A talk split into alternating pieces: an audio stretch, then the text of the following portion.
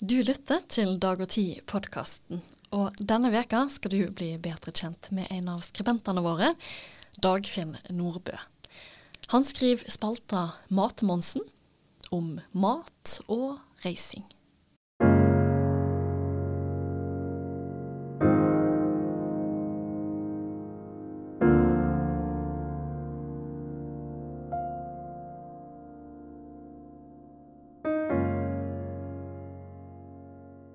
Velkommen, Dagfinn Nordbø. Mange takk.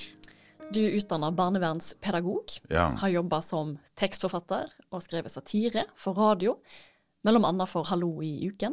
Og du har òg et eget band som heter Det Norske Poesi- og Satireorkester. Men viktigst av alt så er du fast skribent i Dag og Tid, der du skriver om mat, i spalta Matmonsen. Og disse tekstene dine er både informative og eh, humoristiske, vil jeg si. Takk for det. Og det er jo selvfølgelig mat vi skal snakke om eh, i dag. Og da vil jeg bare begynne med det mest åpenbare spørsmålet. Alle må jo ete, og noen bruker mer tid på kjøkkenet enn andre. Og du er jo over middels interessert i matlaging. Hva er det du syns er så kjekt med å bruke mange timer på kjøkkenet? Jeg gjør ikke det hver dag. Uh, som jeg skrev i siste spalten min, så er det sånn Jeg kan godt spise egg og bacon til middag, eller uh, grøt eller ostesmørbrød. Det, er ikke noe- det er ikke noe problem.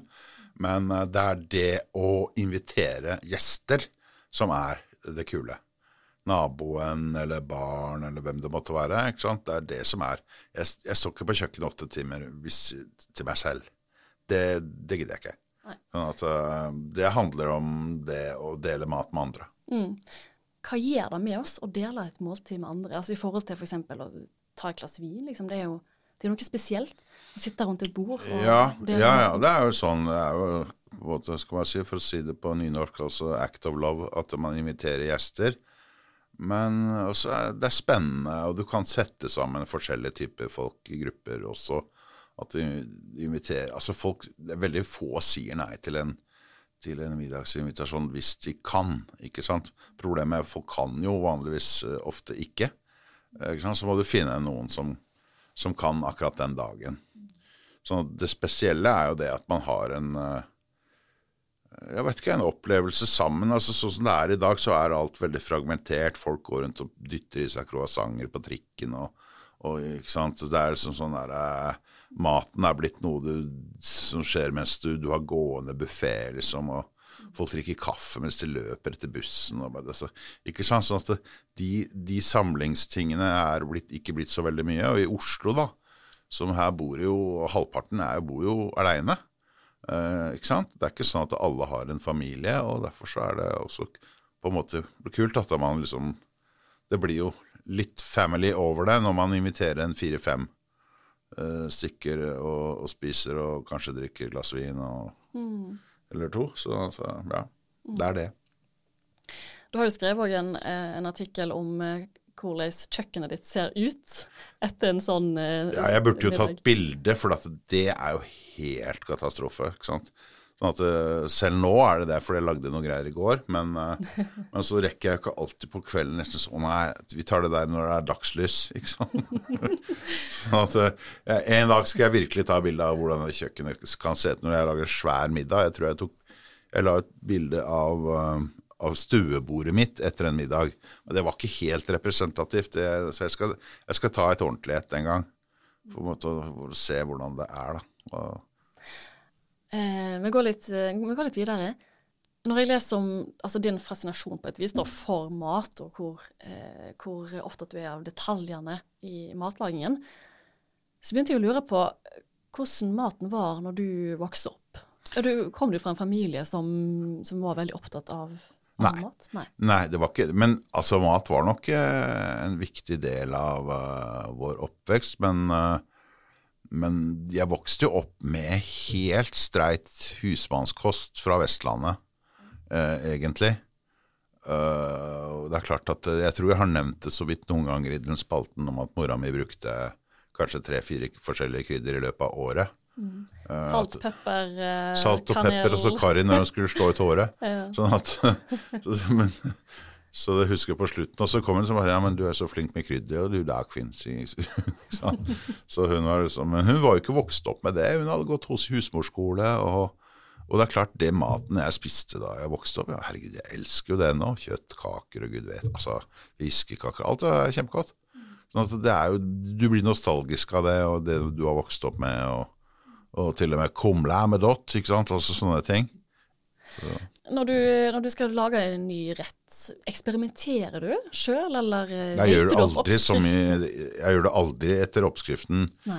men også veldig ofte så inviterer jeg på folk på mat jeg aldri har lagd okay. Så det, det, er noe med det. Da. Det er enkelte ting jeg, jeg veit at dette veit jeg blir bra, men du kan jo også skjære seg. Har det skjært seg ja, før? Ja, der og Alltid hvis du bommer med saltingene. Du kan alltid gjøre noe feil, liksom.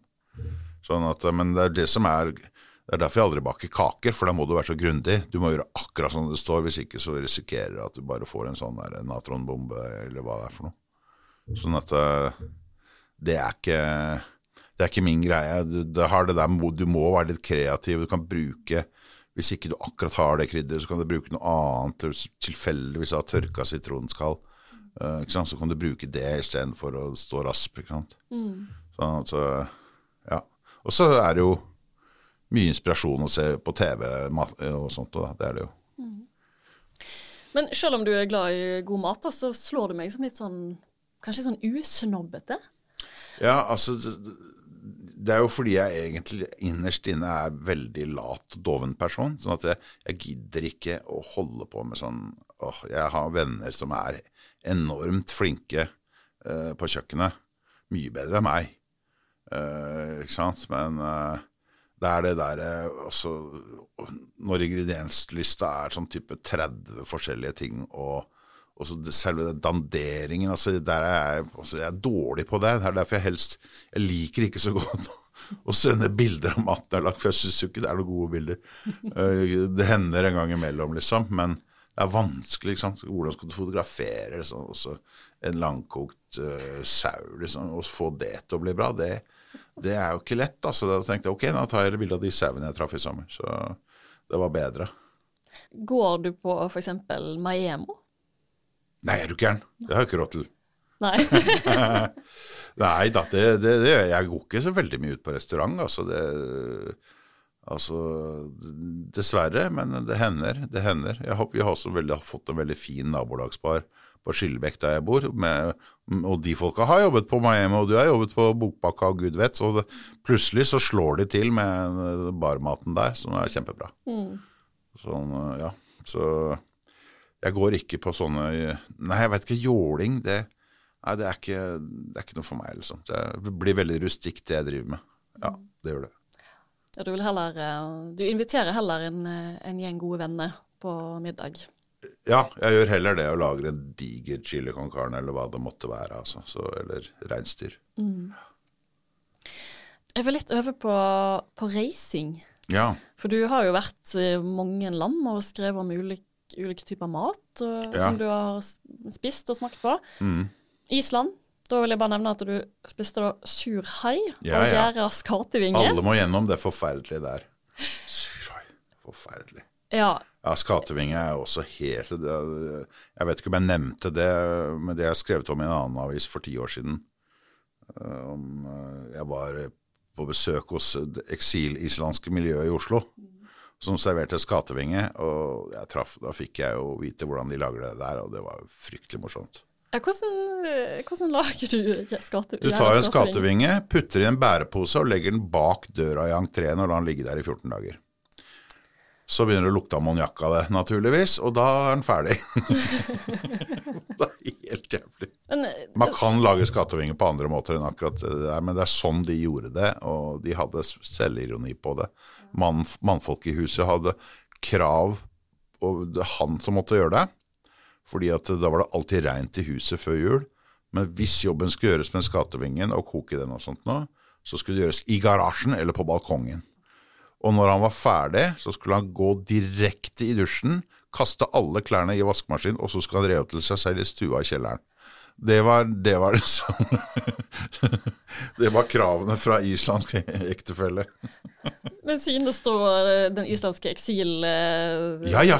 Liker de skapet? Ja, ja, altså de serverer det da alltid sammen med en fantastisk torsk. Og de mener at en norsk torsk, nei, den er ikke bra nok. Så de, de må ha islandsk torsk. Og de importerer sin egen torsk fra Island. Og, så er, ja, og det er salt torsk. Så de serverer, og det er fantastisk. Det, det, det er virkelig Så den skatevingen er bare sånn du må passe på å ikke puste inn mens du tar en bit, for det er forferdelige greier. Så ja, men uh, da fikk jeg i hvert fall en smak på det. Mm. Veldig gøy. Men du har òg vært i Egypt, Spania, Italia. Ja, Marokko. Og Marokko. Ja. Ja. Thailand. ja. Altså, når, når, du reiser til et land, så regner jeg med at mat er viktig for deg, eh, naturlig nok. Hva, Ja. Hvor begynner du? Altså, Hvor velger du restaurant? Hva Ja, Nei, det er jo, det, er jo veldig, det kommer jo veldig an på, da. Men uh, det har jo vært fryktelig lite reising, så de siste spaltene mine har jo bare handlet om oppskrifter. For det har ikke vært noe reising. Jeg skal prøve å komme av gårde igjen nå, forhåpentligvis i år, sin tur til fransk Catalonia. Så, men eh, så det, klart, det, går jo an å gjøre litt research. Mens du er i en landsby med 700 innbyggere, så er, så er det ofte ikke så veldig mye å velge. Da går du dit. Og hvis det er fullt der, så ja, men da er det bra. Det er sånn der, Du må liksom se hvor går de lokale. Eh? Pluss at du prøver å unngå de mest åpenbare turistfellene. Og, men du oppdager plutselig at du går i fella uansett. altså. Men uh, der hvor på akkurat det mest populære hjørnet i den byen, så er det fullt av folk. Og så oppdager du at alle sammen er turister, sånn som det. Da har du sannsynligvis gjort noe dumt. så, sånn er det. ja. Har du vært eh, Har du spist noe sånn østeuropeisk kjøkken? Ja, altså jeg eh, faktisk nå i drosjen hit så snakket jeg med drosjesjåføren, han var fra Litauen, så sa å ja, du liker zeppeliner. Og det er jo kumle, men eh, og det er kjempegodt. Og det er altså servert da med bacon eller kjøttdeig og rømmesaus, da. Og så er det, så de formet som zeppeliner, altså luftskip. Og da fortalte han sjåføren det at det, det var eh, det var bl.a. fordi poteter var en av de mest tilgjengelige råvarene under krigen. At du, du fikk alltid tak i poteter, eller du kunne dyrke det sjøl. Hva sier egentlig maten om kulturen i, i landet maten kommer fra? Ja, altså det Det er jo enorm historisk påvirkning av gjennom Det kommer an på hvilket land du snakker om, da. Sånn som Andreas Filstad har jo gitt ut en ny bok noe som heter 'En middag i Roma', som på en måte tar for seg hele mathistorien. Uh, Ut ifra hva en restaurant i Roma serverer, helt ifra hvete og sant, romersk imperium. og hele. Og den er blitt slått veldig an og blitt svær i utlandet og sånt. og Det vil jeg anbefale å lese. Uh, rett og slett 'En middag i Roma'. Så det sier veldig mye om samfunnet. Men også er det jo det at kokebøker, f.eks., det var jo Det ble jo ikke sett på som lødig eller bra litteratur. sånn at det var eneste som lagde det, var altså, det, Kokker var ikke sett på sånn som de blir i dag, som stjerner, liksom. Men det var gjerne tjenestefolk for rikfolkene. Og det eneste som, hadde behov for oppskrifter, det var jo de som jobbet der. Så kokebøker var i utgangspunktet bare for de rike, og de som lagde mat til de rike. Så det tok jo lang tid før det måtte, tok litt av. da. Der har jo Henry Notakke laget en veldig fin bok som handler om kokebokenes historie, og den er kjempemorsom. Så det er veldig, veldig gøy. Altså, det er langt lerret å bleke å si liksom, Hvis du går ut og ser hva vi spiser her i dag i Norge i forhold til hva vi gjorde på 1970 altså Jeg har vært i Nord-Norge hvor de nektet å spise hvitløk, og det var i 85. Ikke sant? Så det, det, skjer, det skjer forandring hele tiden, med demografiske forandringer. Sånn. hele tiden. Ja, Hvitløk er jo relativt uh, nytt. Ja, det er egentlig ferskt i norsk uh, sammenheng. Og, uh, det var, uh, og særlig i Nord-Norge, husker jeg. Da jeg studerte der, så var det da, Bare på trass så lagde vi en sånn pastarett til de ansatte med 30 fedd hvitløk.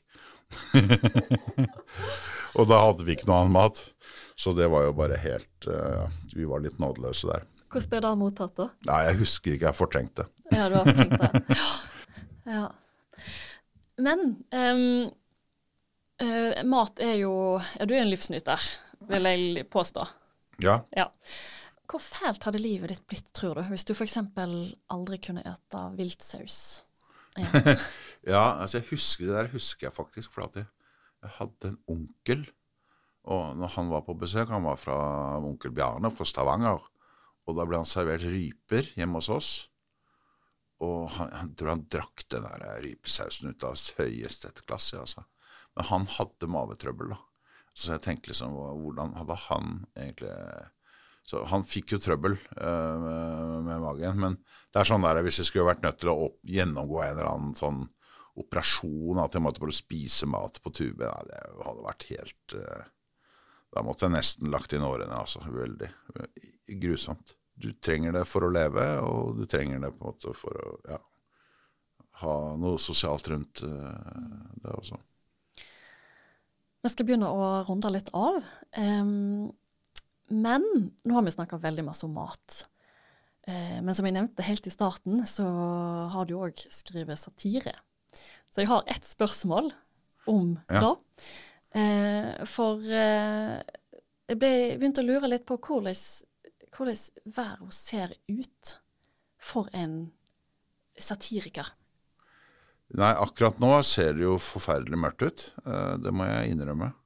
Det er ikke noe mangel på ting å gjøre, så du ser jo merke at satiren blir jo hardere og hardere. Bare se på tegningene fra britisk politikk nå, f.eks. Det er jo grotesk. Og Virkeligheten er jo også grotesk. Sånn at det blir vanskelig på en måte å gjøre, lage satire som gjør at folk ler. Latteren sitter liksom litt fast i halsen, men med såpass mange mørke skyer, så ja, det er godt vi har litt god mat å hygge oss med. Altså, for det, det, blir ikke så veldig mye annet, dessverre. Det, det ser ikke veldig lystelig ut. Nå får vi Trump tilbake i, i USA, sånn som Putin ønsker, og ja, i det hele tatt. Og de USA slutter å være en allierte i Ukraina, så da ser det dårlig ut. Altså. Vi, får bare, vi må krysse fingrene. Så fra å være sett for en satiriker er mørkt, men for en matelsker litt mer eh, litt Ja, vi får, vi får, bare trøstespise så godt vi kan. Ja. da avslutter vi det. Tusen takk, Dagfinn Nordbø. Mange takk.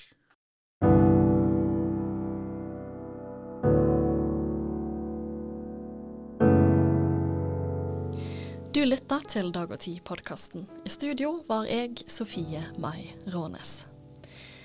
Som alltid så setter vi pris på tilbakemeldinger. Og har du meninger om podkasten vår, så send meg gjerne en e-post. Adressa den er sofie.krøllalfa.dagogti.no. Takk for at du lytta.